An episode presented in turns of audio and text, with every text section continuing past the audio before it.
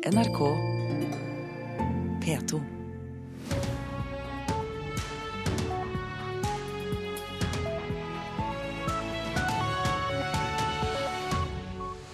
Her fortsetter Øystein Heggen med Nyhetsmorgen. De sivile lider i den syriske byen Aleppo, hørte vi i Dagsnytt, men fortsatt er én million mennesker stengt inne i den irakiske byen Mosul. Vi får straks en rapport fra Røde Kors generalsekretær Bernt Apeland, som har vært der. Japans statsminister Abe har invitert Putin til toppmøte. Vi skal snakke med våre korrespondenter om øystriden mellom Russland og Japan. Buskerud vil gå sammen med Akershus og Østfold, men møter en kald skulder, for Akershus og Østfold sier nei. Nå kommer filmen om dronning Sonja fra samme produksjonsselskap som laget Kongens nei.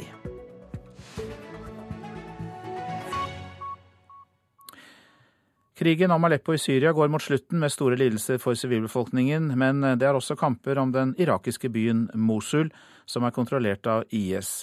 Der er det fortsatt én million mennesker som er stengt inne. De lever under svært vanskelige forhold, sier generalsekretær Røde Kors, i Røde Kors Bernt Apeland, som besøkte området og flyktningleirer utenfor Mosul i går. Og jeg snakket med han like før sendingen begynte. Jeg tar med meg inntrykk av en sivilbefolkning som er veldig hardt prøvet. Eh, det er fortsatt én million mennesker som er stengt inne i, eh, i Mosul. Og de meldingene vi får, er at forholdene der blir vanskeligere og vanskeligere. Eh, og så er det ca. 100 000 mennesker som har klart å komme seg ut. og nå befinner seg i ca. åtte leire i området mellom Mosul og Erbil. Og Forholdene for disse er også veldig veldig vanskelige. Som norsk vinter nærmest. Det er rundt fryspunktet og sterk vind, og, og, forholdene er dårlige. Det som er avgjørende, er at uh, de menneskene som er i byen, får muligheten til sikre passasjer ut av byen. Uh, og at når de nå kommer ut, at de da får uh, nødvendig hjelp i flyktningleirene, sånn at de kan komme seg gjennom denne vinteren. Hva kan dere i Røde Kors gjøre for dem? Rødt Kors sammen med flere andre organisasjoner gjør nå det vi kan for å bidra til at vi kan få vann, varme, helsehjelp uh, og mat. Uh, fordi uh, de som nå klarer å flykte fra Mosul, de må bli i de leirene de kommer til. De kommer seg ikke ut igjen og er derfor helt avhengig av å få all den hjelpen de kan få. Og Det vi nå har sett de siste ukene, er at antallet krigsskadde øker dramatisk. og Det betyr at vi i tillegg til mer vanlig helsehjelp også antakelig er nødt til å bidra med eh, mer kirurgiske enheter, rett og slett, for å kunne eh, sikre at disse menneskene som kommer ut, nå overlever. Hvordan er eh, situasjonen i Mosul? Altså, det er jo en by som har vært under IS-kontroll, og som er under angrep fra en koalisjon av irakiske og kurdiske styrker? Her må vi jo basere oss på de som nå kommer ut. og Jeg snakket med flere som fortalte om Eh, svært eh, vanskelige forhold. At de eh, blir terrorisert av IS der de bor. av at tilgangen til rent vann, tilgangen til mat og tilgangen til varme stort sett er, er borte. sånn at der er forholdene veldig vanskelige. Generalsekretær i Røde Kors, Bernt Apeland, som besøkte flyktningleirer utenfor Mosul i går. Nå om dagens russisk-japanske toppmøte. President Vladimir Putin er i dag i Japan hos landets statsminister Shinzo Abe. Blant sakene på dagsorden er bl.a. sikkerhetsspørsmål, økonomisk samarbeid og hvilket land som skal ha herredømme over deler av øygruppen Kurillene. Vi har nå med oss både vår Moskva-korrespondent Morten Jentoft og Asia-korrespondent Peter Svaar. Først til deg, Peter. Hvorfor møtes de nå? Jeg tror den viktigste grunnen er at både Russland og Japan ønsker større økonomisk samarbeid og handel. Russlands økonomi fortsatt hardt rammet av vestlige sanksjoner. Eh, ønsker å øke sin handel østover. Og Japan ønsker å balansere sitt forhold til Kina for ikke å bli for sårbar og avhengig av dem midt i all deres politiske uenighet. Abe har jo skisset ut en såkalt åttepunktsplan for økt eh, økonomisk samarbeid som skal diskuteres eh, i dag. Men så kommer jo denne gamle striden om øygruppen Kurillene nordøst i Stillehavet inn og gjør disse forhandlingene vanskelig. Begge land gjør jo fortsatt krav på disse små øyene og har faktisk enda ikke signert en fredsavtale etter annen verdenskrig pga. dem. Putin sier også i intervjuer med japansk presse nå før ankomst at økonomiske krav, deriblant at Japan overholder vestlige sanksjoner mot Russland, er helt avgjørende for Russlands vilje til å forhandle om overgivelse av disse øyene. Kurilen er jo ikke oppe i nyhetsbildet til daglig, så Morten Jentoft i Moskva, hva er historien bak striden om øygruppen? Historien er jo at uh, disse øyene uh, ble jo uh, kontrollert av Japan da, fram til annen verdenskrig. men vi må skille mellom kan du si, hele øygruppen og disse fire sørlige øyene i, i Kurille. Disse fire sørlige øyene som det strides om, de har historisk alltid vært en del av Japans men hele Kurille ble okkupert, tatt kontroll over av Japan på et eh, tidligere tidspunkt. Vi skal også huske på at Japan eh, fram til annen verdenskrig i en periode også kontrollerte deler av den russiske Sakhalin-halvøyen. Eh, etter at Japan, keiser Hirohito, kapitulerte 15.8.1945, så fortsatte likevel russerne en offensiv og tok da militært da kontroll over alle øyene i Eh, Kurille helt ned til, til, den store japanske øyen Hokkaido. Og eh, det da Striden står da om disse fire sørligste øyene, eh, der det bodde nærmere 20 000 japanere. Det er de øyene som Japan mener historisk da hører til dem, og som man mener at russerne ikke hadde retter til å ta kontroll over permanent, slik som russerne nå har gjort. Og da er spørsmålet kan man finne et eller annet form for kompromiss her. I dag bodde jo russere på disse øyene, det er eh, russiske militærbaser der.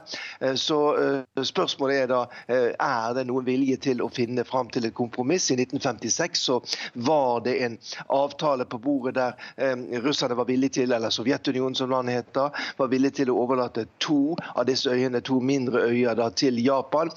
Eh, for at det skulle kunne på en måte bli et kompromiss i denne saken. og Det er det man har snakket om nå igjen. da, At eh, Russland kanskje da overlater to mindre øyer til Japan på spesielle vilkår. Det blir i hvert fall et eh, tema, så spørs det om det blir noen løsning. Peter Svår, tilbake til deg. Hvilke relasjoner er det egentlig mellom landene nå, altså handelspolitisk og for øvrig? Ja, De siste årene har handelen mellom Japan og Russland gått kraftig ned. og Det har mye med å gjøre at eh, Japan, som en nær amerikansk alliert i Asia, har gått med på å respektere de sanksjonene som EU og USA har innført mot Russland etter annekteringen av eh, Krim i 2014. Og Striden om disse små øyene i eh, Kurillene har også forsuret forholdet under AB. Han har vært veldig ivrig på å få disse øyene tilbake som en del av sin nasjonalistiske agenda. Og det at han etter fire år enda ikke har lykkes med dette, har ikke hjulpet veldig på et allerede nokså kjølig forhold. Dette toppmøtet som vi ser i dag, er jo det første toppmøtet mellom Russland og Japan faktisk på elleve år. Og så går vi vel kanskje inn i et eh, tidsskille med Donald Trump som amerikansk president, eh, Peter Svaar. Eh, hvilken virkning kan det få for forholdet mellom Russland og Japan?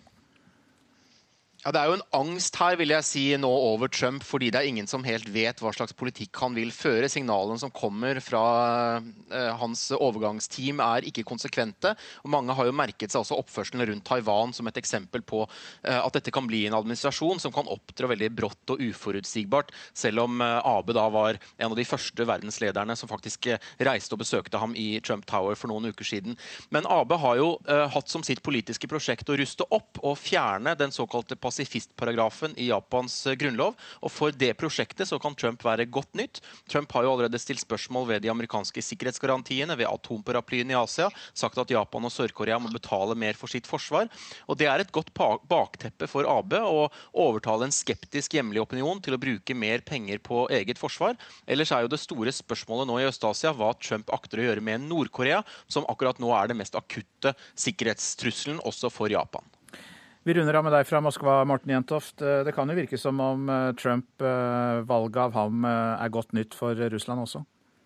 Ja, nå har det vært veldig mye fokus på da, eh, at det er så godt forhold mellom Trump og Putin, og eh, mellom medlemmer av den nye administrasjonen til, til, til, Trump og russiske ledere.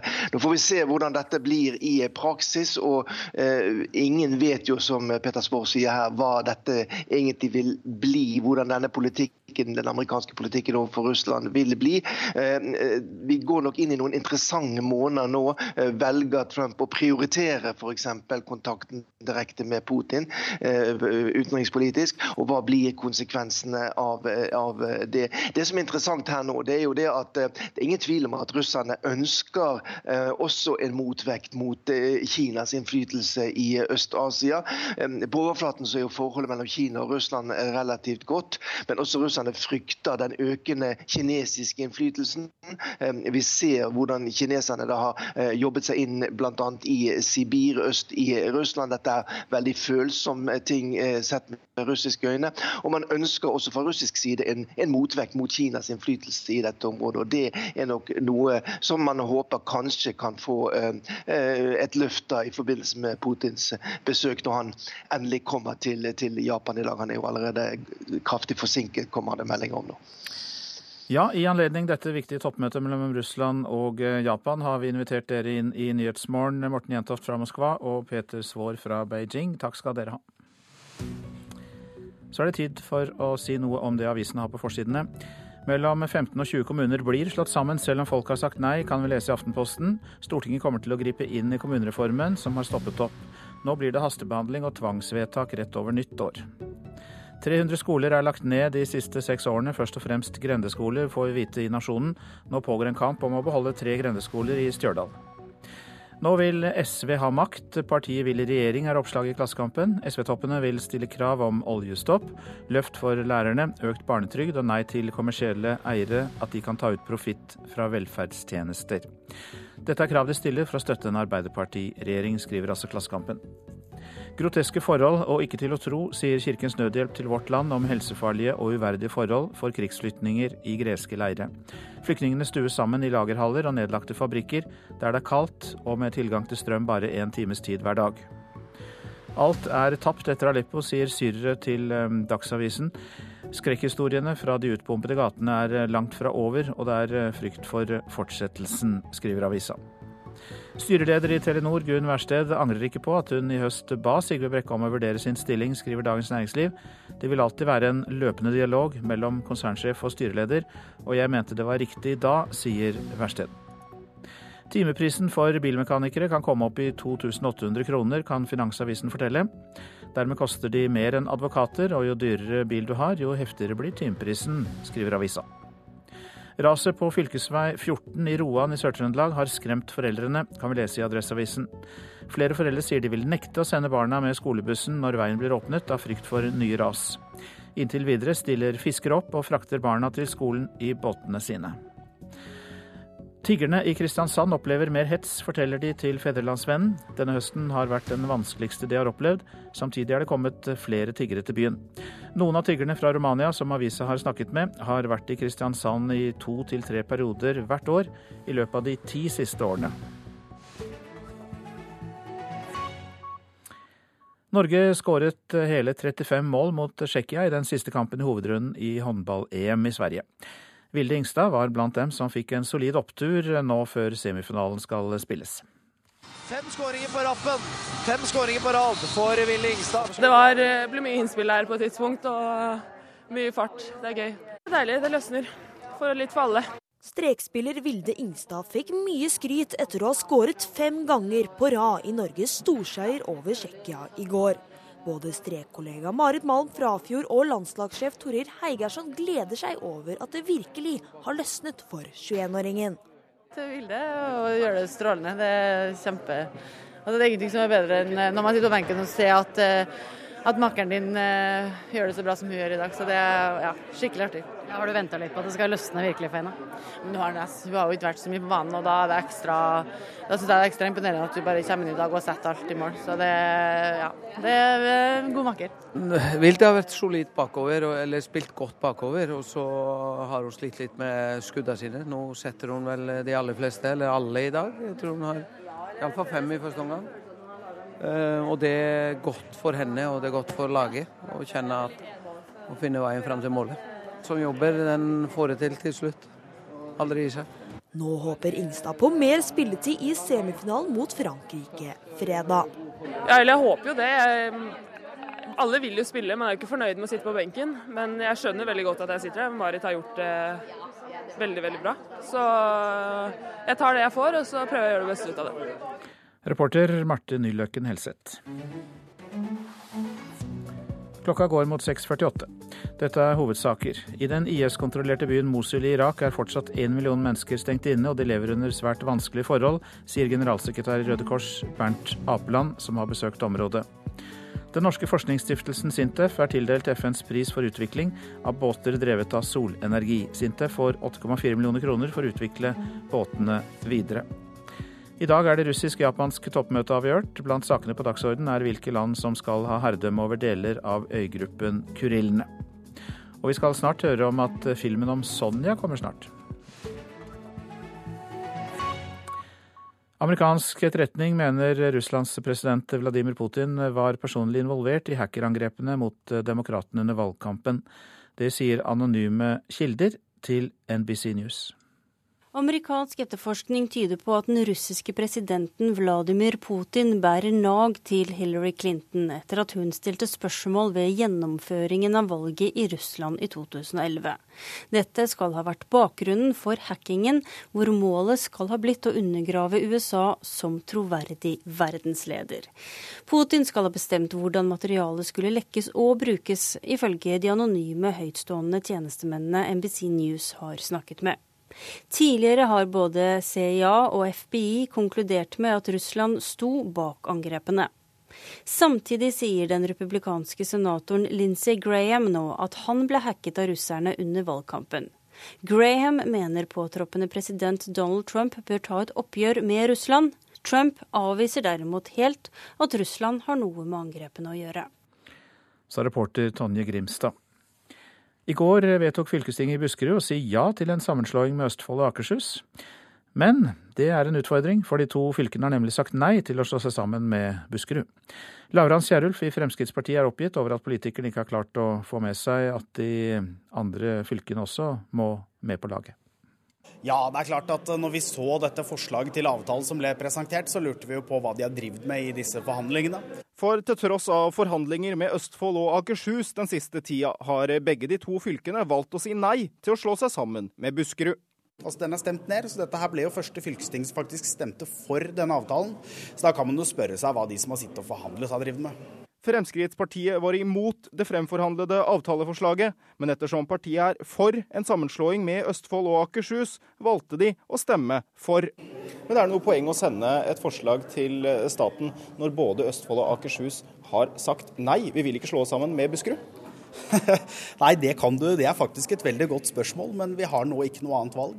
Og det er jo ikke tid til å gjenoppta noen forhandlinger noen andre vær. Buskerud fylkeskommune har med andre ord ikke tid til å starte forhandlinger med andre fylker.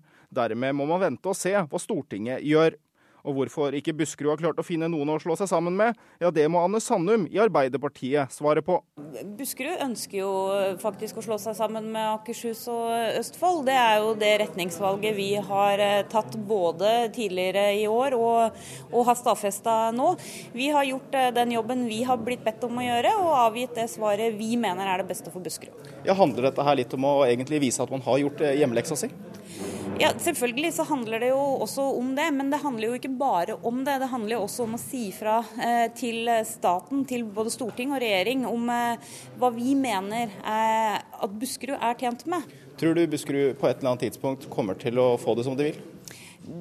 Det får vi se på. Vi kan håpe at det er sånn det kommer til å bli. Og jeg, jeg, har en forventning om at Stortinget kommer til å opprette større regioner. Dersom staten nå kommer og sier at man må ta prosessen på nytt, kan det da bli mer aktuelt å se mot Vestfold og Telemark? Jeg tror ikke staten kommer til å si at man må se prosessen på nytt. Jeg tror at Stortinget kommer til å fatte et vedtak. Og hvis de ikke kommer fram til en ny regioninndeling, så tror jeg ikke man kommer til å si at man gjør det igjen. Så jeg håper virkelig at Stortinget nå tar jobben sin på alvor og faktisk kommer til å vedta en ny regioninndeling av Norge. Reporter her var Vegard Aas. En film om dronning Sonja har et stort publikumspotensial, sier Mode Steinkjer i Norsk Filmkritikerlag. I går ble det kjent at dronning Sonjas kjærlighetsliv skal bli spillefilm. Paradox Produksjon AS, som sto bak Kongens nei, har i over to år planlagt denne spillefilmen. I utgangspunktet så syns jeg det høres ut som en veldig spennende idé.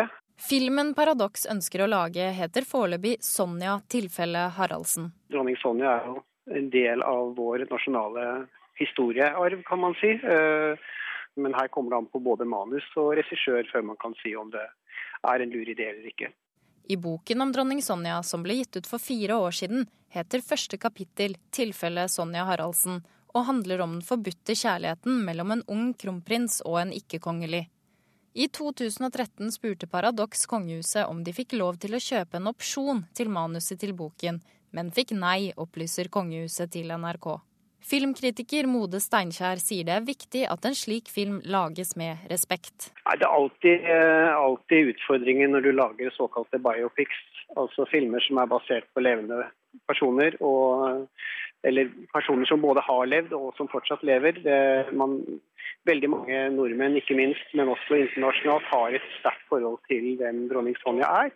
Det er klart at dette må gjøres med respekt. Eh, samtidig så Lager man eh, en sånn film med for mye respekt, så vil man eh, antagelig ende opp med en veldig kjedelig film som ingen har lyst til å se. Filmanmelder i NRK og leder i Filmpolitiet Birger Vestmo sier det er et stort marked for filmer om de kongelige.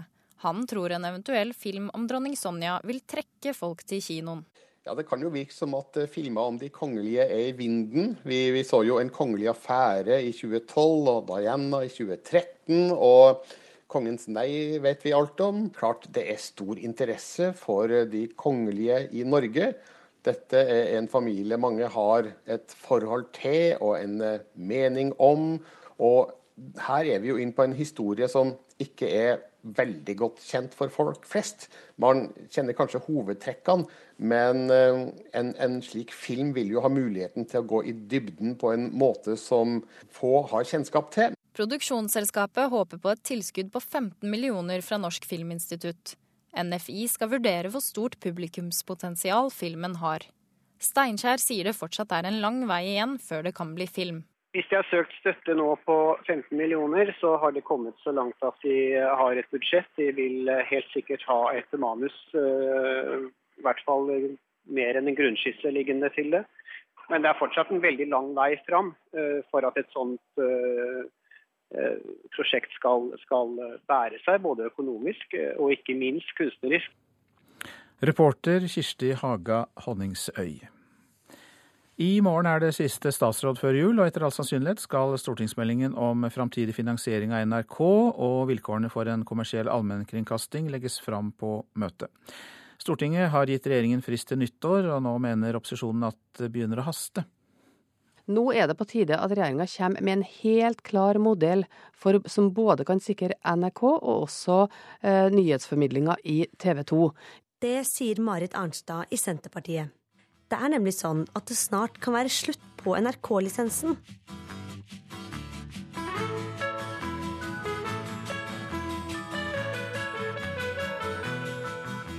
Stortinget har bedt regjeringen legge fram sitt forslag til hvordan NRK skal finansieres i fremtiden innen utgangen av 2016.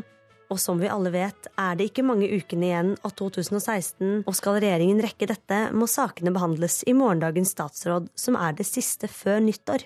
Vi har ingen tid å miste, men vi har jo sagt at vi forventer at den saken skal ligge på bordet med en klar anbefaling innen 2016. Arnstad får støtte av Arild Grande, mediepolitisk talsmann i Arbeiderpartiet. Vi krever at det kommer noe håndfast på bordet eh, fra regjeringa eh, nå på fredag, eh, som sikrer en ny framtidig finansiering av NRK, og som sikrer kommersiell allmennkringkasting i Bergen. Tidligere i år ble det satt i et utvalg utnevnt av regjeringen. Deres oppgave var å utrede fremtidig finansiering av NRK, og i sommer kom deres anbefaling. De foreslår å skrote dagens lisens og heller innføre en såkalt husstandsavgift Kringkastingssjef Tor Gjermund Eriksen syns dette er et interessant forslag. Nei, Jeg syns det i og for seg er et godt og interessant uh, forslag. Men uh, vi i NRK har jo sagt at det er ikke den eneste modellen vi syns uh, kan fylle de behovene vi ser. det må være altså en, en, ordning som oppfattes rettferdig hos publikum. at alle de som bruker NRKs innhold faktisk betaler. Det må være en ordning som sikrer NRKs redaksjonelle uavhengighet, og det gjør vi bl.a. med en direkte link til publikum. Vi liker at det er publikum som betaler det, og at det ikke går over statsbudsjett og sånn. Uh, og det siste er at det må være en teknologisk nøytral uh, avgift. I dag så er lisensen knyttet bare til TV-apparatet, og vi vet jo at folk uh, bruker NRKs innhold på mange plattformer i dag. I tillegg til NRKs finansiering skal det avgjøres hvorvidt kommersiell allmennkringkasting skal få statsstøtte eller ikke. I dag er det TV 2 som er landets kommersielle TV-kanal, men TV 2 sier at de trenger kompensasjon for jobben de gjør som allmennkringkaster. Om de får dette, det får vi også trolig svar på på fredag. Og det var reporter Mari Sand Malm som stilte disse spørsmålene for oss. Så er det værvarselet. Det østafjelske og fjellet i Sør-Norge. Sørøst liten kuling vest for Lindesnes. Ellers rolige vindforhold. Litt regn vest i Agder og litt snø vest i fjellet, ellers opphold. Og litt sol i det østafjellske og på fjellet i Sør-Norge. Vestlandet sør for Stad. Sør opp i sterk kuling på kysten og i fjellet. Perioder med regn. Lite nedbør i sør. Møre og Romsdal og Trøndelag sørlig frisk bris, men på Sunnmøre stiv kuling. Skyet vær, spredt regn kan hende som fryser til regn på bak til is på bakken i indre Nord-Trøndelag. Nordland og Troms sørvest liten kuling, oppe i stiv kuling i Nordland først på dagen. Regn, snø i fjellet, kan hende frysende regn på bakken også i indre Helgeland. Finnmark sørlig liten kuling, enkelte regnbyger i vest, ellers opphold. Fra ettermiddagen oppe i stiv kuling med litt regn, kan hende frysende regn også der. I indre strøk. Og Spitsbergen får etter hvert oppholdsvær. Eh, om kvelden sludd eller snø. Temperaturer klokka fire. Svalbard lufthavn null, Kirkenes minus ti, Varde minus tre. Alta null, Tromsø fire, Bodø sju, Brønnøysund én grad, Trondheim-Værnes minus sju. Molde pluss fem, Bergen og Stavanger sju, Kristiansand-Kjevik minus fire. Gardermoen minus åtte, Lillehammer minus 13, og det går nedover når vi kommer til Røros med minus 23. Oslo-Blindern minus sju. NRK P2.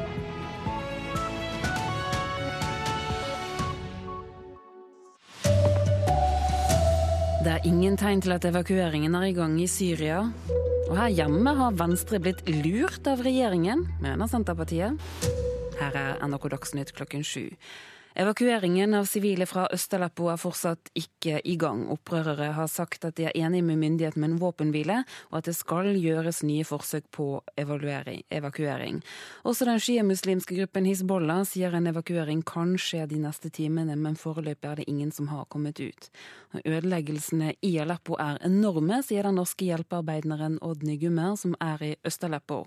Da hun snakket med oss i NRK i går kveld, ble intervjuet avbrutt av en bombe hørte du den smellen som kom nå? Nå var det faktisk en bombe nettopp akkurat nå. Jeg er ikke sikker på om du hørte på telefonen. Midt i det som skulle være en våpenhvile for å få evakuert sivile fra krigsherjede områder i Øst-Aleppo, ble Odny Gumar vitne til flere bombeangrep. Det har vært sånn noen minutter imellom hver gang at det har vært en stor smell. Hun kom til Aleppo tirsdag kveld etter å ha jobba med syriske flyktninger i Libanon gjennom hjelpeorganisasjonen Partners, og beskriver Øst-Aleppo som mye verre enn hun har forestilt seg. Selv om jeg hadde sett både bilder og film, og sånn, så er det noe helt annerledes å se det uh, i virkeligheten. Reporter var Tanita Kveina.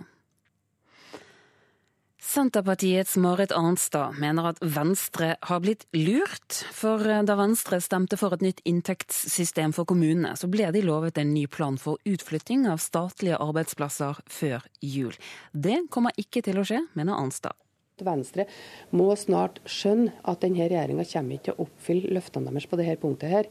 Venstre må våkne opp. Venstres kommunalpolitiske talsperson André Skjelstad tror fortsatt at regjeringens løfte vil bli innfridd. Bare ikke riktig ennå. Ja, altså De sitter jo ikke i rommet sammen med meg og, og regjeringa nå. Og Vi er i gang med å, å gjøre det ferdig den planen, som da kommer da tidlig i februar.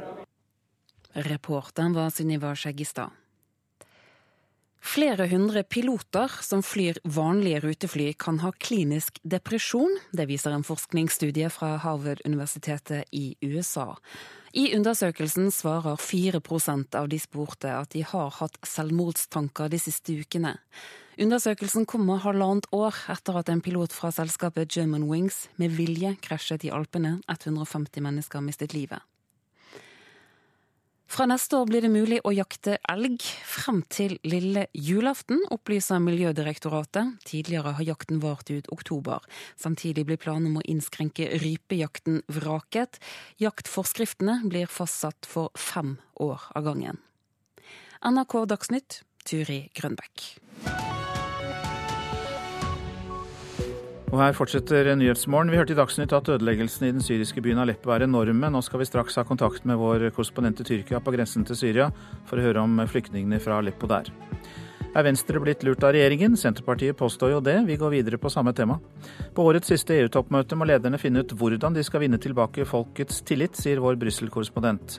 Og mange i USA frykter at Trumps regjering vil føre en politikk som gjør det umulig å nå Obama-administrasjonens klimamål. Ja, det er fortsatt ingen eh, evakuering av sivile i den syriske byen Aleppo, har vi hørt. Og korrespondent Sissel Wold, du er nå i Tyrkia, på grensen til Syria, hvor det er mange flyktninger fra nettopp Aleppo. Hvordan merkes konflikten der du er? Ja, jeg er i Gaziantep, eh, og der, eh, dette er jo basen for hjelpearbeidere. Her bor mange tusen flyktninger fra Aleppo, og her er også smuglere for den saks skyld. Men byen preges av venting og venting. Alle venter på om eh, evakueringen kan begynne, om hjelpearbeiderne kan komme inn med sin hjelp, som de ikke har fått inn på flere måneder.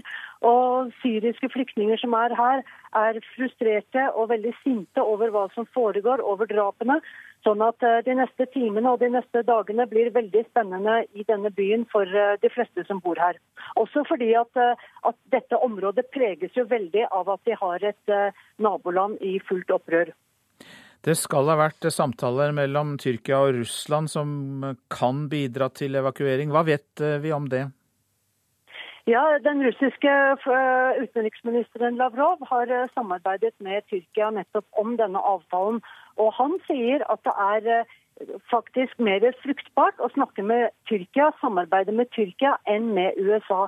Fordi Russland og Tyrkia står jo på hver sin side av denne forferdelige borgerkrigen. Eh, russerne alliert med Assad. Eh, tyrkerne har eh, støttet opprørsgruppene i flere år. Sånn at det er jo de to stormaktene, får man si, som er viktige for å få avgjort noe i, i denne krigen og få denne våpenhvilen til å fungere. De har jo stor påvirkning, begge disse landene.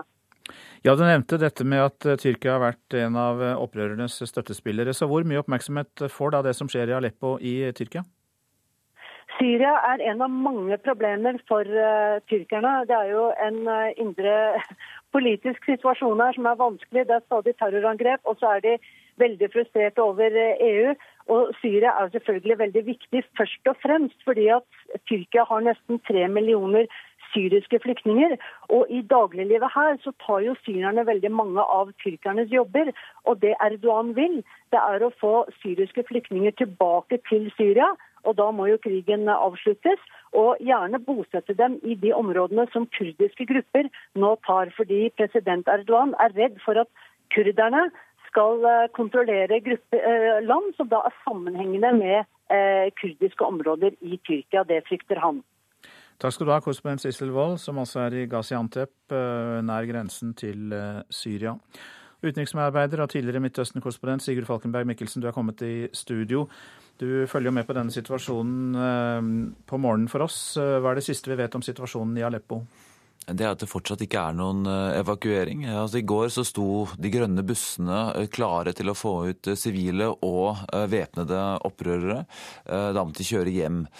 Nå er avtalen visstnok bedre forankret, men fortsatt så har vi ikke sett noen tegn til evakuering.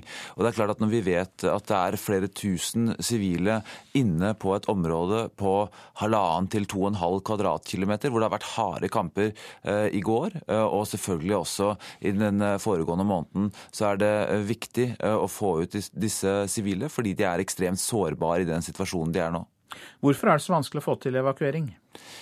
Det er et stort spørsmål. Det kan tyder på at det er en uh, splittelse og konflikter internt i den koalisjonen uh, rundt Bashar al-Assad, som jo også har gjort at de har klart å ta tilbake Aleppo nå.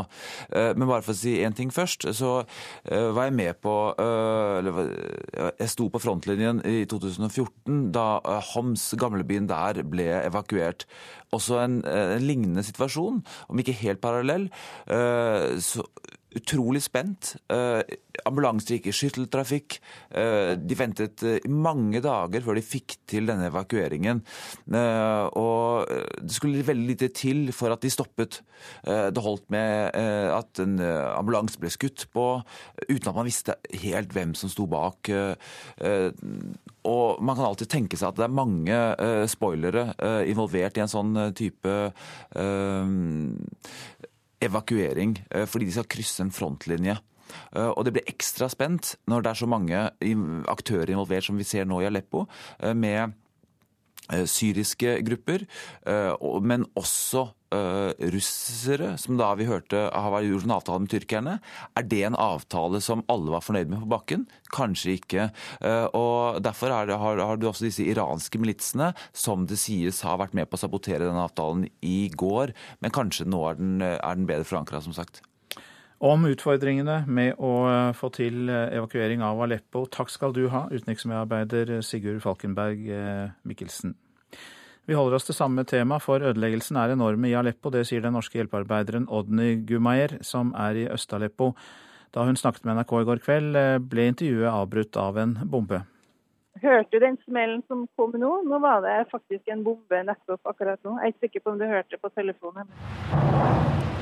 Midt i det som skulle være en våpenhvile for å få evakuert sivile fra krigsherjede områder i Øst-Aleppo, ble Odny Gumar vitne til flere bombeangrep.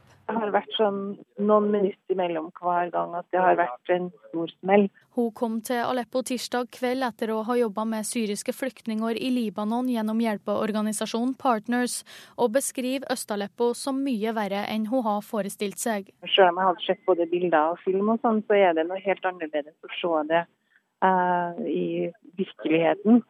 Uh, det er så totalt, de ødeleggelsene som har blitt gjort. og Det er så tragisk, og det virker litt sånn uvirkelig nesten. Man føler seg nesten som i en film. Den humanitære situasjonen i byen er katastrofal. Det er jo én ting at alle bygningene er ruinert, og infrastrukturen er ødelagt, og det er brunt og fælt. Men uh, det som er enda verre, er jo selvsagt å se menneskene som, uh, som ikke har noen ting. Eh, det er fryktelig, fryktelig kaldt her. Altså det regner og er veldig veldig fuktig i lufta. Og Jeg er kledd i norske vinterklær og jeg fryser. Så når man da ser uh, hundrevis av mennesker som er kledd veldig dårlig, og som i tillegg ikke har noen plass å bo, så er det jo nesten utenkelig hvordan de uh, må ha det. Og reporter her var eh, Tanita Kveine. Og programleder for Politisk kvarter, Bjørn Myklebust, du har også kommet inn i studio og skal også snakke om Aleppo. Sitat. Hvorfor er det slik at Gaza skaper svære demonstrasjoner, mens Aleppo nesten ikke mobiliserer noen til gatene? Kan det ha noe med å gjøre at man i Syria-konflikten ikke har noen mulighet til å gi Israel, nasjonenes jøde, skylden? Dette skriver Vebjørn Selbekk, og det blir debatt i Politisk kvarter. Og så vil SV i regjering.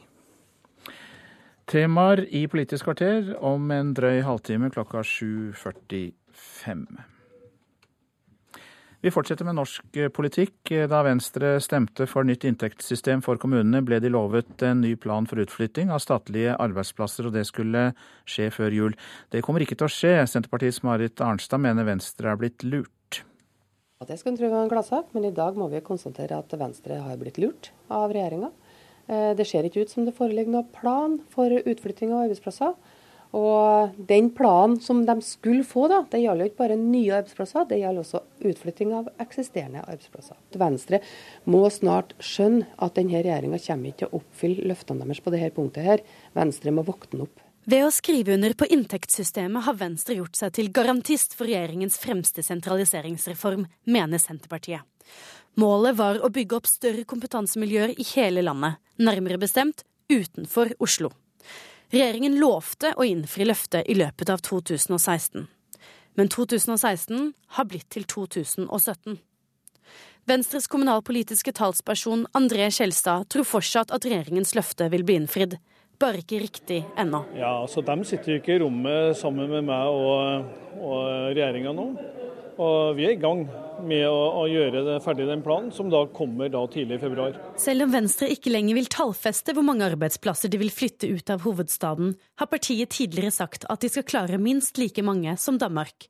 Og Danmark har lagt lista på 3900. Eh, og det her vil være vesentlig mer enn det ja, eksempelvis var regjeringa som Senterpartiet utgikk av, klarte å flytte ut. Min målsetting har hele tida hatt et uh, høyt tall. Eh, så får vi nå se hva det tallet blir. Og selv om målet er lavere enn de 6000 jobbene den rød-grønne regjeringen og Senterpartiet lovet, vil Venstre ha lykkes langt bedre om i det hele tatt nærmer seg tusentallet. Den rød-grønne regjeringen klarte bare å flytte 85 arbeidsplasser ut av Oslo på åtte år. En skal være klar over at det er krevende, og det skal, tror jeg vi skal erkjenne også at den rød-grønne perioden, at det er krevende å flytte ut statlige arbeidsplasser. Det betyr at det er desto viktigere å ta vare på de statlige arbeidsplassene du i dag har i distriktene, og ikke sentralisere dem. Sier Marit Arnstad i Senterpartiet. Hun mener Venstre heller bør konsentrere seg om å bevare de statlige arbeidsplassene i distriktene, som sentraliseres med politireformen, Nav-reformen og gjennom omleggingen av skattekontorene. Det som er det mest krevende hele tida, er selvfølgelig de eksisterende. Eh, og Der har vi vært tydelige på at det må være eksisterende som skal ut. Og det vil det også være. Eh, nye arbeidsplasser er det ikke så stor uenighet om. Reportere Sunniva Skjeggestad og David Krekling. Der er klokka 7.14. Vi har disse hovedsakene. Ødeleggelsen i Aleppo er enorme, sier en norsk hjelpearbeider. Det er ennå ikke inngått noen avtale om hvordan de sivile skal evakueres fra den syriske byen. Miljøvernorganisasjonene jubler over at Statoil nå er ute av all oljesandvirksomhet. Seint i går kveld ble det kjent at selskapet selger sine eierandeler til et canadisk selskap. Og vi har hørt at Senterpartiets Marit Arnstad mener regjeringen har lurt Venstre til å tro på utflytting av statlige arbeidsplasser fra Oslo. Vi vender oss utover igjen mot EU, eh, e for regjeringssjefene der kommer sammen til sitt eh, siste toppmøte i 2016. Året som har gått, eh, har rystet EU med brexit og Trump-seier i USA, og for litt over en uke siden bare en folkeavstemning som eh, endte med det motsatte av det EUs interne led, EUs ledere hadde foretrukket, i Italia altså. Så dermed må EU vinne tilbake folks eh, tillit. En av dem som i dag skal eh, presentere en ny politikk, er utenrikssjef Fedricia Mogherini. We need a stronger defense industry, and to achieve this goal, with the European Commission, we have put forward a European Defence Action Plan. We need to address our citizens' needs not with endless ideological debates but with concrete decisions. so we are moving fast and with concrete steps towards a real european union of security and defence. Det var det lønnelige håp fra utenrikssjef eh, Federicia Mogherini. Brussel-korrespondent eh, Philip eh, Lote, nå forventer hun konkret, konkret handling, så hva legger hun i det? Hun legger i det at uh, hun ønsker å være en av de som tar på alvor at man må uh, svare på de behovene og den misnøyen som mange i EU har gitt uttrykk for. Uh, og det Mogherini nå kommer til å åpne for på dette møtet, og sannsynligvis få tilslutning eh, til, det er at Den europeiske investeringsbanken, som tidligere har brukt, vært brukt i hovedsak til infrastruktur, nå også kan brukes til å investere eh, forsvarsindustrien i Europa og forsvarsprosjekter. Eh, og det er mye av eh, EUs oppgaver som handler om sikkerhet. Det er eh, vern av de ytre grensene. Eh, det er håndteringen av migranter og flyktninger som kommer til eh, Europa. Og det er et samarbeid med Nato, hvor EU og Nato ble enige for litt over en uke siden om et samarbeid på 40 punkter. Så hun håper å bidra til et EU som svarer mer på den, de behovene som medlemmene har, selv om da sikkerhetspolitikken er, er noe annet enn den økonomiske politikken, som kanskje er det aller viktigste som EU må ta tak i. Hva blir eh, den aller vanskeligste saken? Er det flyktningene og fordelingen av disse migrantene rundt om landene? Det blir en vanskelig sak. Eh, og Italia kommer jo med en ny statsminister etter at Matteo Renzi gikk av da han tapte folkeavstemningen om en ny grunnlov i, i, sitt land. Og Den nye statsministeren sier helt klart at han ønsker større bidrag fra EU til å håndtere flyktningkrisen. I tillegg så er det en veldig sensitiv sak om eh, tilslutningsavtalen, samarbeidsavtalen med Ukraina, hvor Nederland, som stemte den ned i en folkeavstemning i april, forlanger garantier om at eh, Ukraina ikke kommer til å bli EU-medlem. De ønsker ikke å provosere Russland. De ønsker ikke å bli trukket for mye inn i ukrainsk eh, og stå som noen garantist for eh, Ukraina og deres selvstendighet. De mener at det er en for stor belastning for EU, eller i hvert fall har deres innbyggere uttrykt det. Og det er mye som tyder på at Nederland kommer til å få disse innrømmelsene. Og så er det i tillegg selvfølgelig spørsmålet om sanksjonene mot Russland. Eh, mest sannsynlig blir de videreført, men det blir ikke eh, lagt til noen nye sanksjoner. Sånn oppsummert, eh, hvor står EU ved utgangen av året? Går solen ned for EU som prosjekt? Det er et, en, en, union i dyp krise, og, og som har store problemer med å løse de akutte problemene, samtidig som de må forsøke å tegne et nytt bilde for sine innbyggere av hva EU skal være. Brexit er et ekstremt hardt tilbakeslag. Den nest største økonomien i unionen skal ut. Det transatlantiske samarbeidet, samarbeidet med USA Eh, råder det usikkerhet om etter at Trump vant valget der. Han har foreløpig ikke snakket f.eks. med presidenten for EU-kommisjonen, Jean-Claude Juncker. Det kom frem på tirsdag at det var hans visepresident som hadde fått den oppgaven. og Det blir uh, sett på i EU som at Trump ikke verdsetter Den europeiske unionen.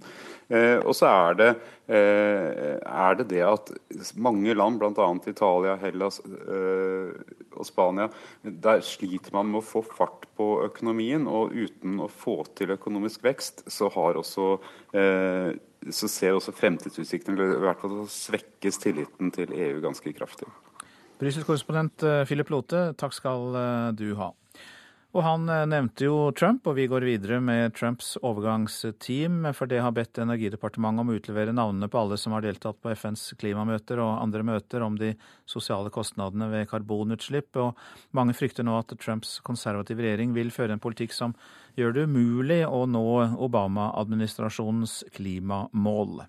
Det var i forrige uke at den påtroppende presidentens overgangsadministrasjon sendte et spørreskjema til Energidepartementet, der de bl.a.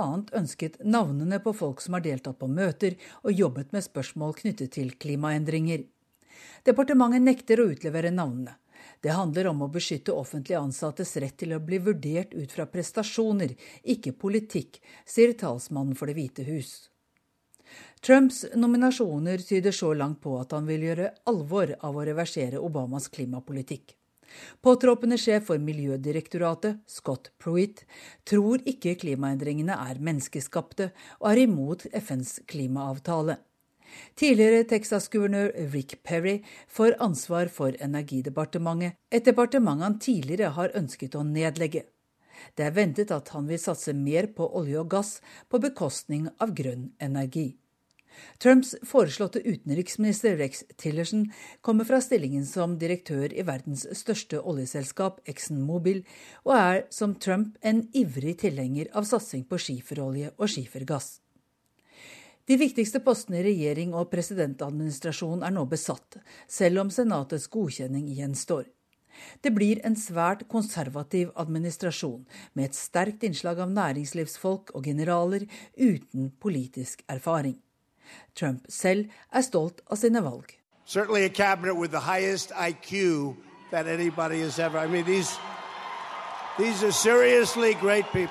Det er åpenbart en regjering med den aller høyeste IQ. De er seriøse og flotte folk, sa USAs påtroppende president på et folkemøte i delstaten Wisconsin tirsdag kveld. Han er svært opptatt av å framstå som en vinner, omgitt av vinnere.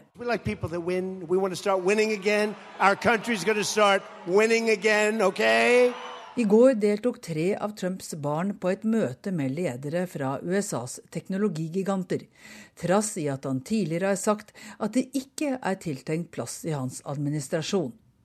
En pressekonferanse der Trump skulle redegjøre for hvordan han skal distansere seg fra familiens forretningsimperium, var planlagt i dag, men er utsatt til over nyttår.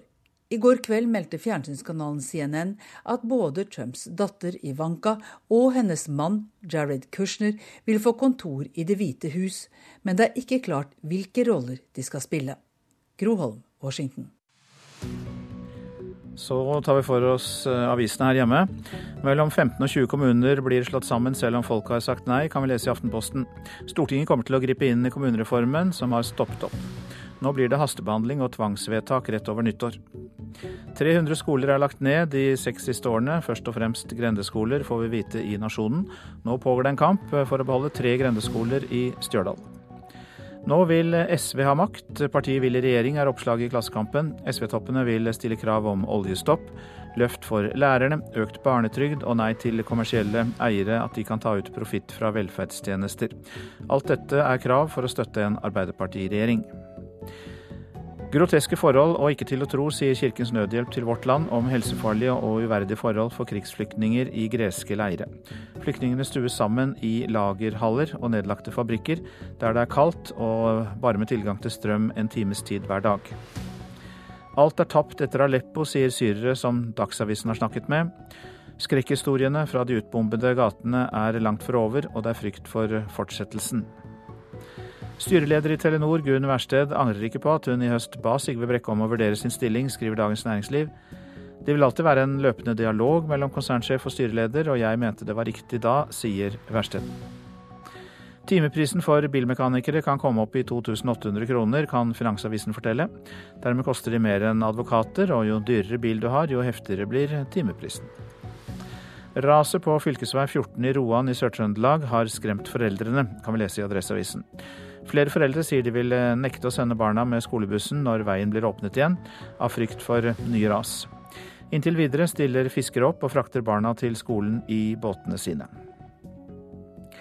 Tyggerne i Kristiansand opplever mer hets, forteller de til Fedrelandsvennen. Denne høsten har vært den vanskeligste de har opplevd, samtidig er det kommet flere tiggere til byen. Noen av tiggerne fra Romania som avisa har snakket med, har vært i Kristiansand i to til tre perioder hvert år i løpet av de siste ti årene.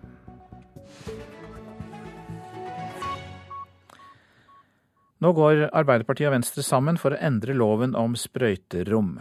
På rommene i Bergen og Oslo er det kun lov å injisere heroin, og det ekskluderer mange narkomane som bruker andre stoffer. Det er tidlig morgen i Bergen. Den mørke nattehimmelen er i ferd med å bli lys. Men i gangene under Puddefjordsbroen er det alltid mørkt. Her ligger brukte og blodige sprøyter tett i tett på den kalde asfalten. I undergangen møter vi narkomane PS. Jeg bruker amfetamin og jeg må stå ute og ta det de sjeldne gangene jeg bruker det. Det nye sprøyterommet som snart åpner like ved, kommer ikke han til å få slippe inn på. Der inne i varmen til et lov var kun injisering av heroin.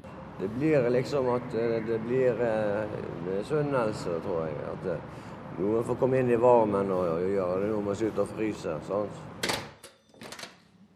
Da er vi kommet inn på injeksjonsrommet. Lederen av Strakshuset i Bergen, Hugo Torjussen, viser oss rundt i det helt nye sprøyterommet i Bergen. Her er da den pakken som eh, alle som kommer inn her og skal utføre en injeksjon, eh, vil få. Om få dager åpner tilbudet for de narkomane. Under langt mer verdige forhold får de sette brukerdosen sin under oppsyn av helsepersonell. Men det er altså kun heroin en får sette her. Skal en bruke andre rusmiddel, må en lovendring til.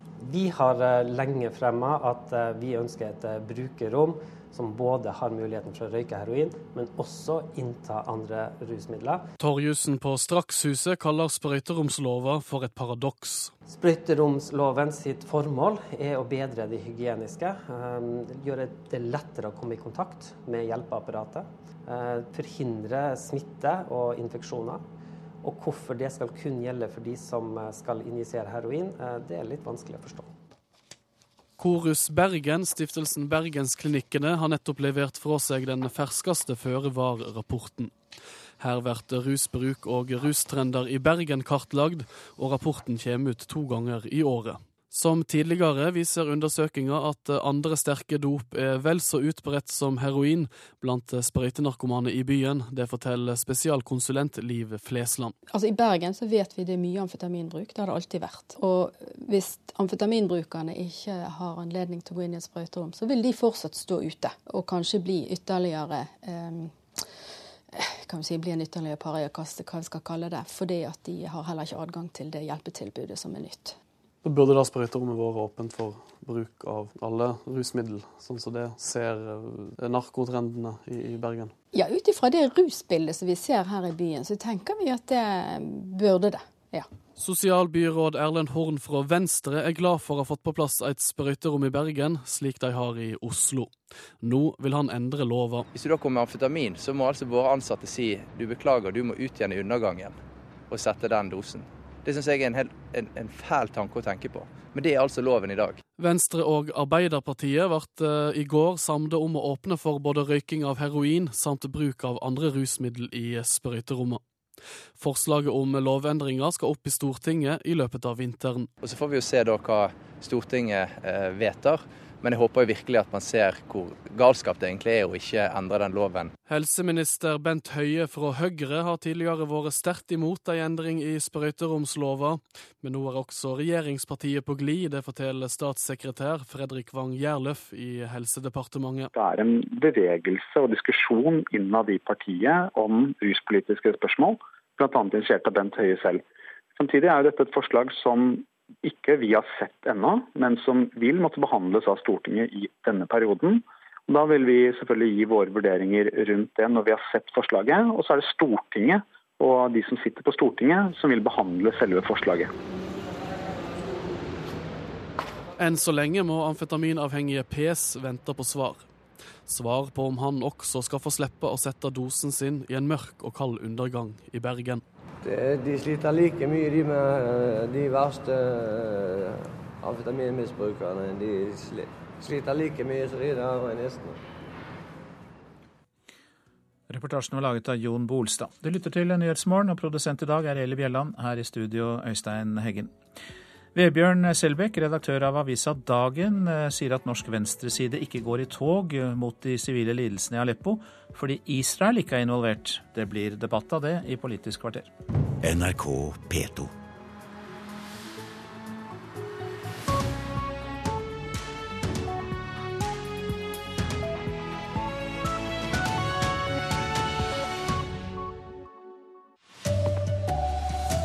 Det gjøres et nytt forsøk på å evakuere sivile fra Øst-Aleppo nå i morgentimene. Venstre blir lurt av regjeringen, mener Senterpartiet. Og så skal vi avsløre trikset for ikke å bli oppfattet som sur og gretten i tekstmeldinger. Her er NRK Dagsnytt klokken er 7.30. Og vi starter i Syria. En avtale er på plass om evakuering fra det som er igjen av den opprørskontrollerte delen av Aleppo. Utenriksmedarbeider Sigurd Falkenberg Mikkelsen, hva er det siste vi vet? Foreløpig har det ikke vært noen evakuering av sivile, men det de sier er at en avtale er på plass for å få til dette nå i morgentimene. Eh, så vidt vi vet har det ikke vært nye kamper i Aleppo i morgentimene og i natt. Eh, og da at en avtale er på plass for å få til dette. Men vi så det samme i går. Var, sto de grønne bussene på plass for å busse eh, de resterende sivile ut. Da måtte bussene dra tilbake igjen fordi det brøt ut kamper igjen. Det kan skje igjen, men foreløpig så så er signalene fra Aleppo at det ikke er kamper, og at en eh, avtale er på plass for å få til dette. Men hva er det som gjør at det er så vanskelig? Det to ting. Altså, vi er inne i en sluttfase av det største slaget i Syriakrigen. Det er klart at det gjør ting vanskelig. Det er mange menn med våpen. Eh, det skal veldig lite til for at dette går galt. Eh, og så er det mange aktører involvert. Sånn at det har kommet rapporter om at f.eks. noen av de iransk støttede militsene som er med på Bashar al-Assads side, ikke ville ha den avtalen som kom på plass i går, som var framforhandlet mellom Russland og Tyrkia. Eh, det kan være en forklaring. Og så kan det også være en forklaring at opprørssiden har satt eh, krav som eh, den andre siden ikke har villet innfri. F.eks. hva slags type våpen de skal få med seg ut når de evakueres. Sigurd Falkenberg Mikkelsen, du nevnte Tyrkia, og korrespondent Sissel Wold, du er ved Gaziantep i Tyrkia, like ved grensen til Syria. Situasjonen i Syria, hvordan merkes den der du er nå? Ja, Gaziantep er jo basen for hjelpearbeidere, og ikke minst et område hvor det bor veldig mange, mange tusen flyktninger fra Aleppo. Og her preges eh, situasjonen av venting og venting. Jeg snakket med helsearbeidere i morges som ikke vet helt om de kan få komme seg inn i Øst-Aleppo etter å ha ventet i mange måneder, om de kan få inn medisin og hjelp. Mens eh, syrerne fra Aleppo er selvfølgelig veldig sinte og rasende og, og, og, ikke minst eh, bekymret og livredde for det som finner sted i deres hjemby nå. Så De neste timene vil avgjøre hvilken vei dette tipper. Men så holder folk her pusten og venter. Så skal det ha vært samtaler mellom Tyrkia og Russland. Hva vet vi om det?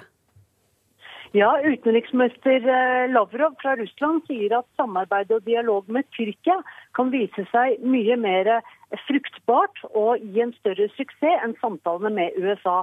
For både Russland og Tyrkia er langt sterkere involvert i Syriakrigen enn USA. Tyrkia grenser jo til dette landet. Eh, Russland er militært involvert eh, veldig sterkt. Og de to har jo makt til å gjøre noe. Eh, men mellom den tyrkisk-syriske grensen og Aleppo så er det jo eh, mange andre grupper som regjerer. IS, militser, så slaget er på ingen måte over. Selv om Aleppo har falt. Bare legger til én ting til. Det er forferdelig kaldt her. Det er fem kuldegrader. Og vi eh, må tenke på hvor, hvor forferdelig dette er med denne kulen for de som er i Aleppo nå. Korrespondent Sissel oss fra Gaziantep i Tyrkia, takk skal du ha. Vi skal hjem igjen og til at Kristelig Folkeparti ikke vil støtte en tvangssammenslåing av kommuner. Det sier parlamentarisk leder Hans Olav Syversen. I dag skriver Aftenposten at så mye som 15-20 kommuner blir tvangssammenslått, og at regjeringspartiene ønsker fortgang i saken. Det blir uten KrFs støtte, sier Syversen. Jeg har ingen, ingen, tro på at det blir eh, sammenslåinger i den størrelsesorden med tvang. Så hvis noen uh, har sett for seg at det skal skje i det omfanget, så blir ikke det med KrF-støtte.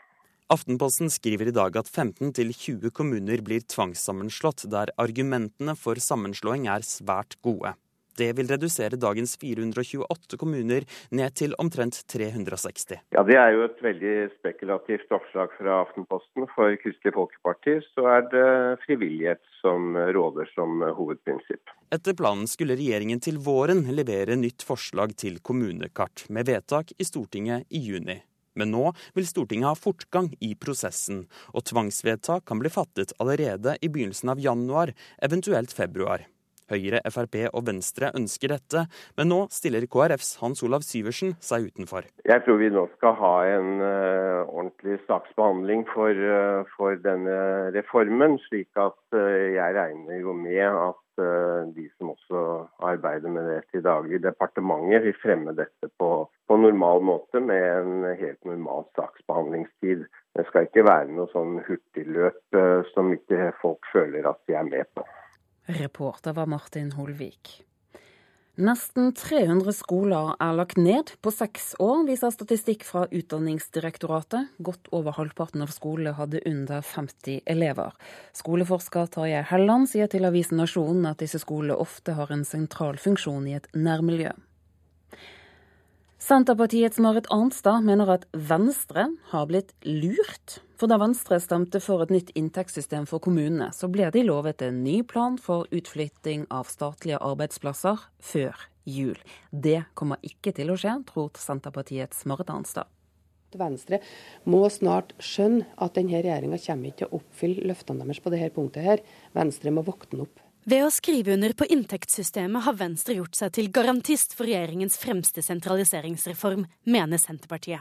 Venstres kommunalpolitiske talsperson André Skjelstad tror fortsatt at regjeringens løfte vil bli innfridd, bare ikke riktig ennå. Ja, altså De sitter jo ikke i rommet sammen med meg og, og regjeringa nå. Og vi er i gang med å, å gjøre ferdig den planen, som da kommer da tidlig i februar. Selv om Venstre ikke lenger vil tallfeste hvor mange arbeidsplasser de vil flytte ut av hovedstaden, har partiet tidligere sagt at de skal klare minst like mange som Danmark. Og Danmark har lagt lista på 3900. Min målsetting har hele tida hatt et uh, høyt tall. Så får vi nå se hva det tallet blir. Og dette vil være vesentlig mer enn det ja, eksempelvis hva regjeringa som Senterpartiet utgikk av, klarte å flytte ut. Og selv om målet er lavere enn de 6000 jobbene den rød-grønne regjeringen og Senterpartiet lovet, vil Venstre ha lykkes langt bedre om i det hele tatt nærmer seg tusentallet. Den rød-grønne regjeringen klarte bare å flytte 85 arbeidsplasser ut av Oslo på åtte år. En skal være klar over at det er krevende, og det skal, tror jeg vi skal erkjenne også at den rød-grønne perioden, at det er krevende å flytte ut statlige arbeidsplasser. Det betyr at det er desto viktigere å ta vare på de statlige arbeidsplassene du i dag har i distriktene, og ikke sentralisere dem. Og så skal han heller skal han være forsiktig, da, som Venstre nå har gjort, eh, og inngå løfter som ikke kommer til å bli holdt i ettertid, og som egentlig kaster blår i øynene på folk. Reportere her var Sunniva Skjeggestad og David Krekling. Miljøvernorganisasjonene jubler over at Statoil nå er ute av all oljesandvirksomhet. Sent i går kveld ble det kjent at selskapet selger sine eierandeler i prosjektene i Canada. Og dette er en seier for sunn fornuft, skriver Greenpeace i en pressemelding. Utvinning av olje fra sand er omstridt pga. svært høye utslipp. Teknologiselskapet Yahoo sier at en milliard brukerkontoer er rammet av et hackerangrep. Selskapet har oppdaget at navn, e-poster, telefoner, fødselsdatoer ble stjålet i 2013. De brukerne som er rammet, har fått beskjed om å endre passordet. Dersom du ikke legger på et smilefjes eller et annet ikon i tekstmeldingene dine, så kan du bli oppfattet som både arrogant og sur. En språkviter mener at disse ikonene nærmest nå har blitt en språkregel, og det er det mange som er enig i. Nei, Det kan jo fort oppfattes som bare vet ikke jeg, arrogant og kanskje litt surt. Jeg vet ikke. Jeg prøvde å stå imot ganske lenge, men nå har jeg gitt etter. Jeg er redd for å bli misforstått. Og så ser det jo ut som jeg er kortfatta og sarkastisk, eh, når, når jeg egentlig skulle vært sprudlende, som jeg jo er. Et smilefjes kan være så mangt. Et naturlig tillegg i en melding, eller en litt påtvungen måte å unngå misforståinger på. Nettopp derfor mener språkviter Jan Olav Fretland at det i noen miljø nesten har blitt en regel å bruke dem. Det er iallfall slik at eh, når en kollega og jeg laga ei bok som heter 'Norske skriveregler' i, i fjor, så fant vi ut at vi måtte gi noen råd om smilefjes. Og i en undersøking blant høgskolestudenter fant Fretland ut at det å ikke bruke smilefjes betyr noe i seg sjøl. Hvis du ikke henger på en, eh, et eller annet form for smilefjes, så kan mottakeren lure på om du er uh, sur på dem. Så, så, der er altså rett og slett en del av etiketten, så å si. Jeg tror vi må venne oss til tanken om at det, dette blir standardisert. Reporter Kristalien Indrehus. Ansvarlig for Dagsnytt, Arild Svalbjørg. I studio, Turi Grønbekk.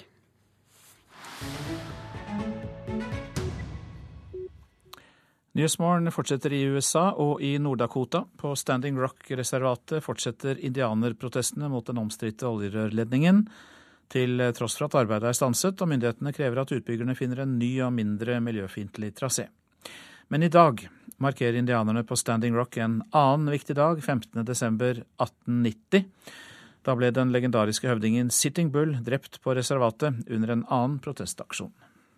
Sitting Bull the great Sioux medicine man and visionary leader, gained fame, of course, in the Battle of Little Bighorn. Det er holdt mange foredrag, laget mange filmer og skrevet mange bøker om den legendariske og mytiske Sitting Bull, eller Tatanika Yotake, som han het på sitt eget Lakota-språk. Som ung var han kriger, men i voksen alder var det som medisinmann og åndelig leder, som visjonær og clairvoyant med mer at Sitting Bull gjorde seg gjeldende. Så til de grader at selv om han bare var til stede i ånden og ikke på slagmarken, så var det han som fikk æren av å ha drept general George Armstrong Custer under slaget ved Little Big Horn i 1876, da det amerikanske kavaleriet led et av sine mest ydmykende nederlag til dags dato. Although not present for the battle, the spiritual leadership of the legendary Lakota chief Sitting Bull was enough for him to be credited as the man who killed Custer. Sitting Bull nektet å avgi land til hvite nybyggere. Han ledet kampene mot dem, og han skrev aldri under på noen traktat.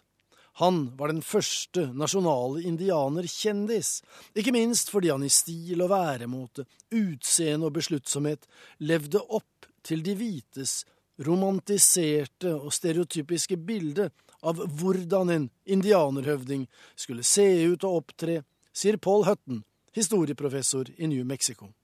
He quickly emerged as the most important symbol of Sioux resistance, and of course, remember that the Sioux are the most famous Indians of all American history. They're sort of the white man's Indian, the perfect Indian with feathered headdress, riding across the plains on beautiful ponies, hunting the buffalo. They're the very epitome of what the whites uh, dreamed about an Indian being. Det er et tankekors at motivasjonen og begrunnelsen for Sioux-indianernes protester mot oljerørledningen i Nord-Dakota i dag er tilnærmet de samme som Sitting Bulls argumenter for 126 år siden.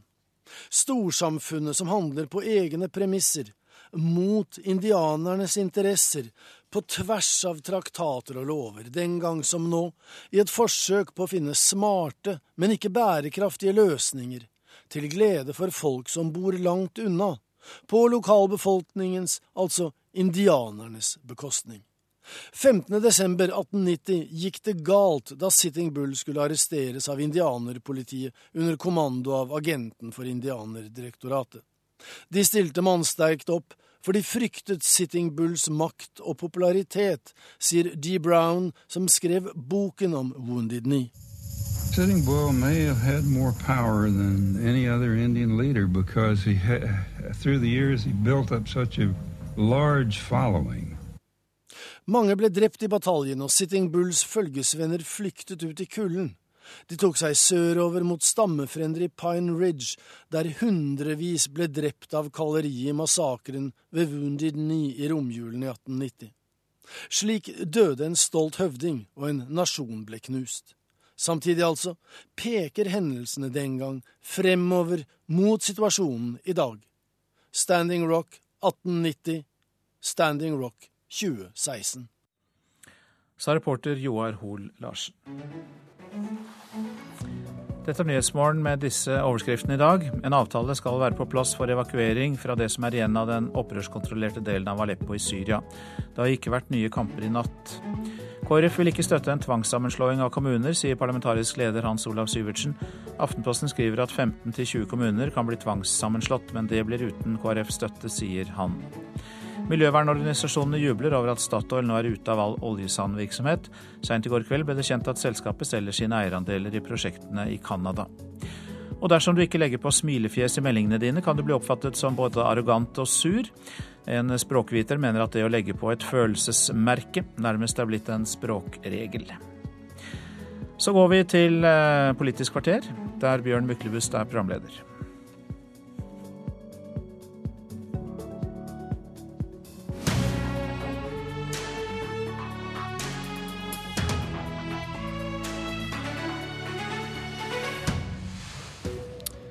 SV vil i regjering, og kommer i dag med sine krav til Arbeiderpartiet. Men bryr Støre seg om musa som brøler? Og hvorfor går ikke venstresiden i tog mot blodbadet i Aleppo, spør Vebjørn Selbekk.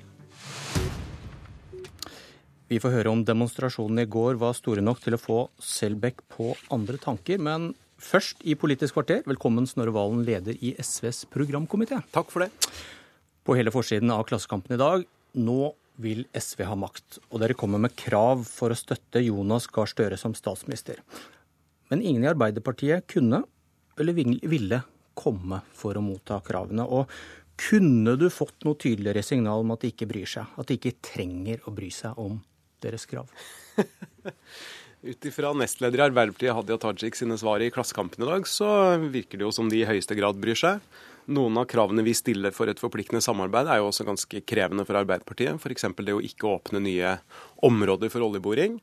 Det å bekjempe barnefattigdom gjennom å styrke barnetrygda. Det å innføre en lærernorm. Eh, og ikke minst det å stoppe profitt i den offentlig finansierte velferden. Det er jo saker Arbeiderpartiet blir nødt til å forholde seg til eh, om de skal samarbeide forpliktende med oss i neste stortingsperiode. Og det tror jeg jo de blir nødt til. Har de noen grunn til å bry seg? Ja, Det siste året så har vi fått avklart at både KrF og Venstre fortsatt går til valg på et borgerlig samarbeid. De syns det er viktigere å bli ydmyka av Frp enn å få en ny kurs for Norge. Det er en grei avklaring. Men det betyr at den eneste realistiske veien til en faktisk ny regjering ledet av Arbeiderpartiet, det går via SV. Og så vil vi avgjøre, både avhengig av politisk gjennomslag, men også den parlamentariske situasjonen og vår egen og andres oppslutning, om det naturlige er et regjeringssamarbeid eller en samarbeidsavtale f.eks. Men kan ikke Støre bare ta dere for gitt? Det er jo sentrum han må fri til, fordi de kan jo bytte side. Dere kan ikke kaste en Støre, kan dere vel? Nei, nå skal, jeg, nå skal jeg veie mine ord nøye her. Altså, jeg skulle til å svare bare at eh, SV har jo felt Arbeiderparti-regjeringer før, men det ville vært liksom feil inngang. Det jeg kan si, er at vi jo garantert er med å innsette Jonas Gahr Støre som statsminister. Det er helt åpenbart for oss at vi heller vil ha en Arbeiderparti-regjering enn Erna og Siv i fire nye år i regjeringskontorene. Men skal Arbeiderpartiet samarbeide med oss, så har vi noen veldig tydelige hovedkrav som vi legger til grunn for det.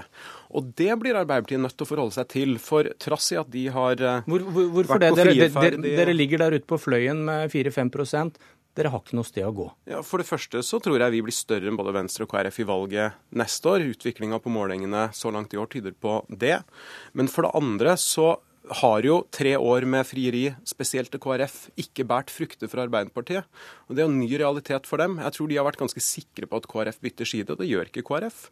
Da er det SV som er veien til makt for Arbeiderpartiet, og da har vi noen tydelige politiske krav. Men siden dere ikke kan peke på Erna Solberg som statsminister, hvorfor igjen skal de bry deg? Kan jo bare ta dere for gitt. Dere fordi... kommer til å holde han ved makten på en eller annen måte uansett. Nei, fordi det skjer jo veldig mye etter man har fått en ny regjering. Eh, vi stiller ikke noen betingelser for å gjøre Jonas Gahr Støre til statsminister. Det er for oss en selvfølge. Men eh, dagen etter regjeringsskiftet så skal man f.eks. vedta et statsbudsjett og man skal føre en politikk. Og Det viktige for oss er at vi ikke bare får et nytt flertall og en formelt sett ny regjering, men en reelt ny retning. Og Historien viser oss veldig godt forskjellen på et Arbeiderparti som orienterer seg mot sentrum, og et Arbeiderparti som er nødt til å samarbeide med SV. Det er forskjellen på Stoltenberg sin første og andre regjering. Den er enorm. Og jeg tror også Arbeiderpartiet ser seg tjent med et samarbeid med SV framfor eh, alenegang i sentrum. For KrF og Venstre de kommer ikke til å bytte side. Du nevnte det. Kjente SV-saker. Fire krav for å støtte Støre. Mm. Ulikhet, klima, lærere, profittfri velferd. Mm. Det som ikke står, og som dere kanskje ikke hadde tenkt å si så høyt til potensielle velgere, dere har nettopp sagt ja til Arbeiderpartiets asyl- og innvandringspolitikk.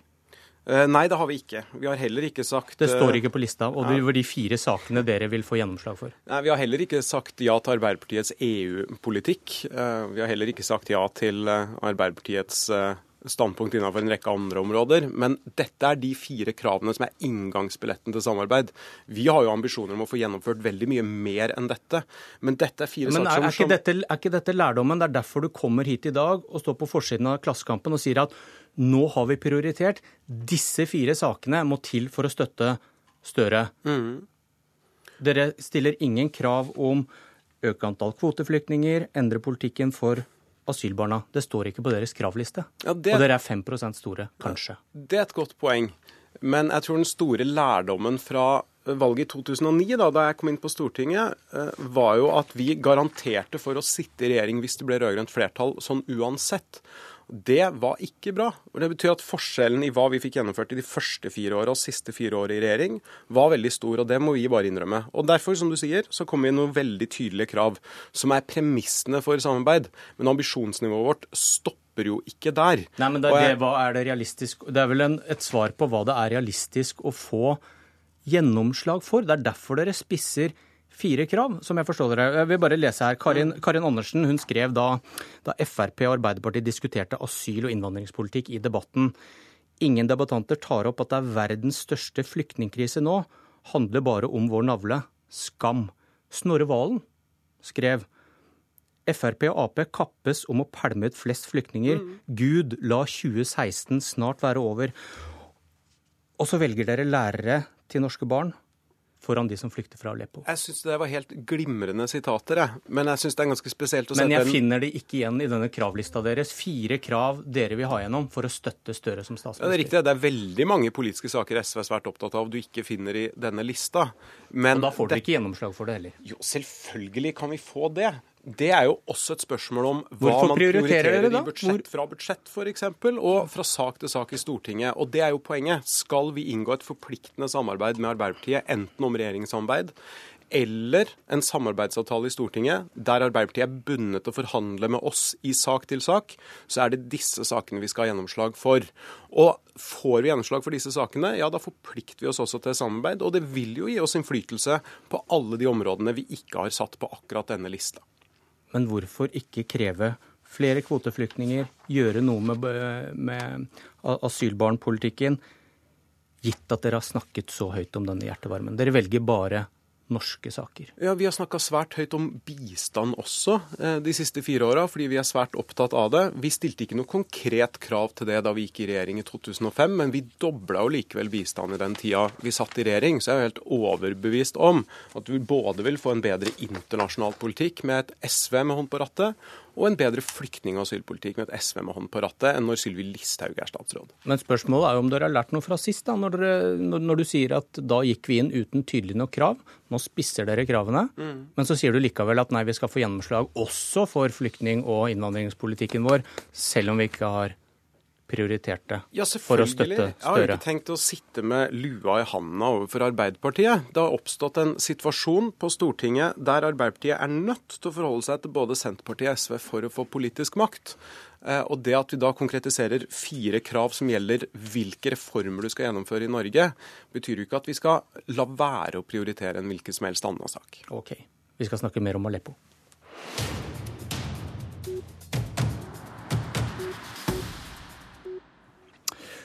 Hvorfor er det slik at Gaza skaper svære demonstrasjoner, mens Aleppo nesten ikke mobiliserer noen til gatene? Kan det ha noe med å gjøre at man i Syria-konflikten ikke har noen mulighet til å gi Israel, nasjonenes jøde, skylden? Redaktør i Dagen, Vebjørn Skjelbæk, dette er dine ord. Demonstrasjonen i går kveld gjorde ikke inntrykk? Det er jo fint at det nå eh, på slutten her har vært eh, engasjement. Men jeg syns at hvis vi ser det store bildet, dette er jo en konflikt som nå har pågått i seks år. Et blodbad, kontinuerlig blodbad som har pågått i seks år snart. Eh, og da syns jeg det at både engasjementet og evnen til mobilisering på venstresida når det gjelder ulike konflikter i Midtøsten, det er veldig eh, selektivt. Dette har vært en pågående katastrofe Eh, der dødstallene nå kommer opp i ja, eh, Noen opererer med 300 000, det er vel det laveste anslaget. Andre har mye høyere dødstall. Men når man ser hva som de siste seks årene hva som virkelig har engasjert venstresida, fått folk i de politiske miljøene ut på gata, så er det Israel-konflikten. Så, så, så Syriakrigen ødelegger fiendebildet til norsk venstreside, er det, er det det du sier? Nei, men det virker som at eh, det i hvert fall forvirrer lite grann. Her er det ikke klar, et klart fiendebilde, en klar mulighet til å eh, angripe Israel eh, politisk.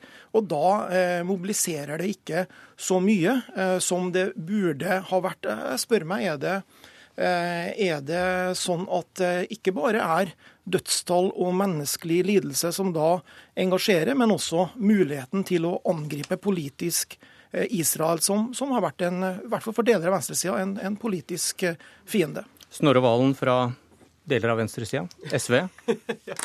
Gikk du i tog i går kveld? Nei, jeg var på jobb. Men ellers så skulle jeg gått i begge markeringene som var i går. Det var jo ikke bare tog eh, for flyktningene i går, men også en protestmarkering utenfor den russiske ambassaden. Så timinga til Selbekk var jo eh, kanskje noe spesiell. Og så må jeg jo si jeg stusser litt på, på problemstillinga Selbekk trekker opp. For det er jo ingen andre enn han som har kommet trekkende med Israel i den sammenhengen her. Det er jo ingen som i alvor hevder at det går an å sammenligne Israel med nedslaktinga Assad-regimet driver med i Syria. Men tar, tar, han, tar han, feil i, i, den faktiske observasjonen han mener å ha gjort? Ja, det synes jeg. Altså, nå leste jo nettopp du, programleder, opp noen sitater også, fra SVs engasjement for de som er på flukt fra Syria. og Der synes jeg jo det er norsk venstreside som virkelig har stått på. En av grunnene til at mange hundre tusen syrere er stengt inne i sitt eget land nå og ikke kan flykte, er jo som en direkte konsekvens av den flyktning- og asylpolitikken som Norge og andre land i Europa fører.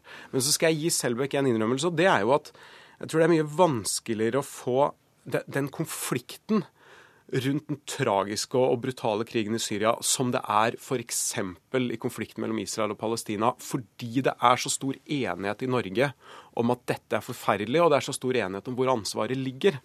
Eh, og Da syns jeg en bedre parallell egentlig er Marokko og Vest-Sahara. Der er det sånn brei politisk enighet i Norge om hvem det er som er synderen, og hvem det er som er offeret. Og da får du ironisk nok ikke like store demonstrasjonstog, like heftige debatter på radio, for du har ikke de samme motsetningene internt i norsk debatt. Men dette var en annen forklaring enn eh, din som gjelder hatet mot Israel? selv? Ja, hatet mot Israel. Jeg syns i hvert fall at det er veldig interessant å, å lytte til det Snorre sier her. For, for eh, Vest-Sahara og, og, Marokko er jo en annen sånn parallell der eh, Marokko eh, okkuperer Vest-Sahara. Det er andre typer okkupasjoner eh, som ikke får noen som helst oppmerksomhet. Du har Tyrkia som, som eh, okkuperer deler av Kypros, en, en veldig nær eh, sånn konflikt. Mange av den typen eh, konflikter rundt omkring i verden som ikke får denne oppmerksomheten. Og det er klart at Israel har en helt spesiell, nesten en, en slags sånn autopilot når det gjelder å få eh, venstresida ut i gatene, få de sosiale mediene til å strømme over av eh, avskyerklæringer. Og det, det, det, det, tror jeg egentlig ikke er så innmari vanskelig å, å, bevise. At sånn er det. Det er den konflikten som engasjerer mest. Og det syns jeg det er grunn til å snakke Du snakker om timinga. Det syns jeg det er grunn til å snakke om nå. Når dødstallene altså når 300 eh, 000, og eh, Aleppo er i ferd med å bli en, en ikke Syrias største by, men eh, Syrias største gravplass. Nå holdt jo Karin Andersen fra SV appell på, på Jernbanetorget i går i markeringa for flyktningene. Vi har vært helt tydelige hele veien på hva vi mener om konflikten i Syria og den brutale nedslaktinga av uskyldige mennesker som foregår der. Men men det er jo ikke sånn at vi blir nedringt av redaksjoner heller for å gjenta det budskapet. Nettopp av den grunnen jeg sa i stad. Det er ingen uenighet i Norge om hva status er i Aleppo akkurat nå. Alle er jo forferda over det vi ser. Eh, men det er ikke noe konflikt knytta til det i norsk politikk. Det andre er at Ta mitt eget parti som eksempel. altså Opprinnelig var jo SF, som det het da, et av de mest Israel-vennlige partiene i norsk politikk.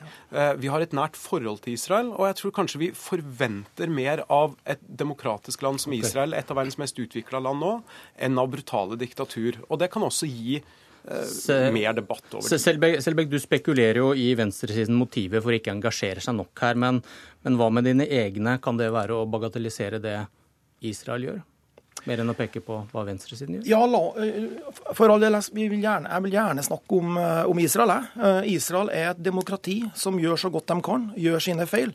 Men eh, i dagens situasjon, når eh, vi snakker om Israel i, som befinner seg geografisk i kanskje verdens mest mørke region, så står de fram der som et lys for demokrati, rettssikkerhet, ytringsfrihet, eh, beskyttelse av minoriteter. Og snakker jeg ikke bare om religiøse minoriteter, men også seksuelle minoriteter, Snorre, okay. som du er opptatt av. Men det er ingen andre enn deg som har Israel er det eneste landet der homofile har eh, rettssikkerhet og trygghet og frihet. Okay. Vebjørn Skjelbæk, Snorre Valen, takk for at dere kom til Politisk kvarter. Jeg heter Bjørn Myklebust. Hør flere podkaster på nrk.no podkast.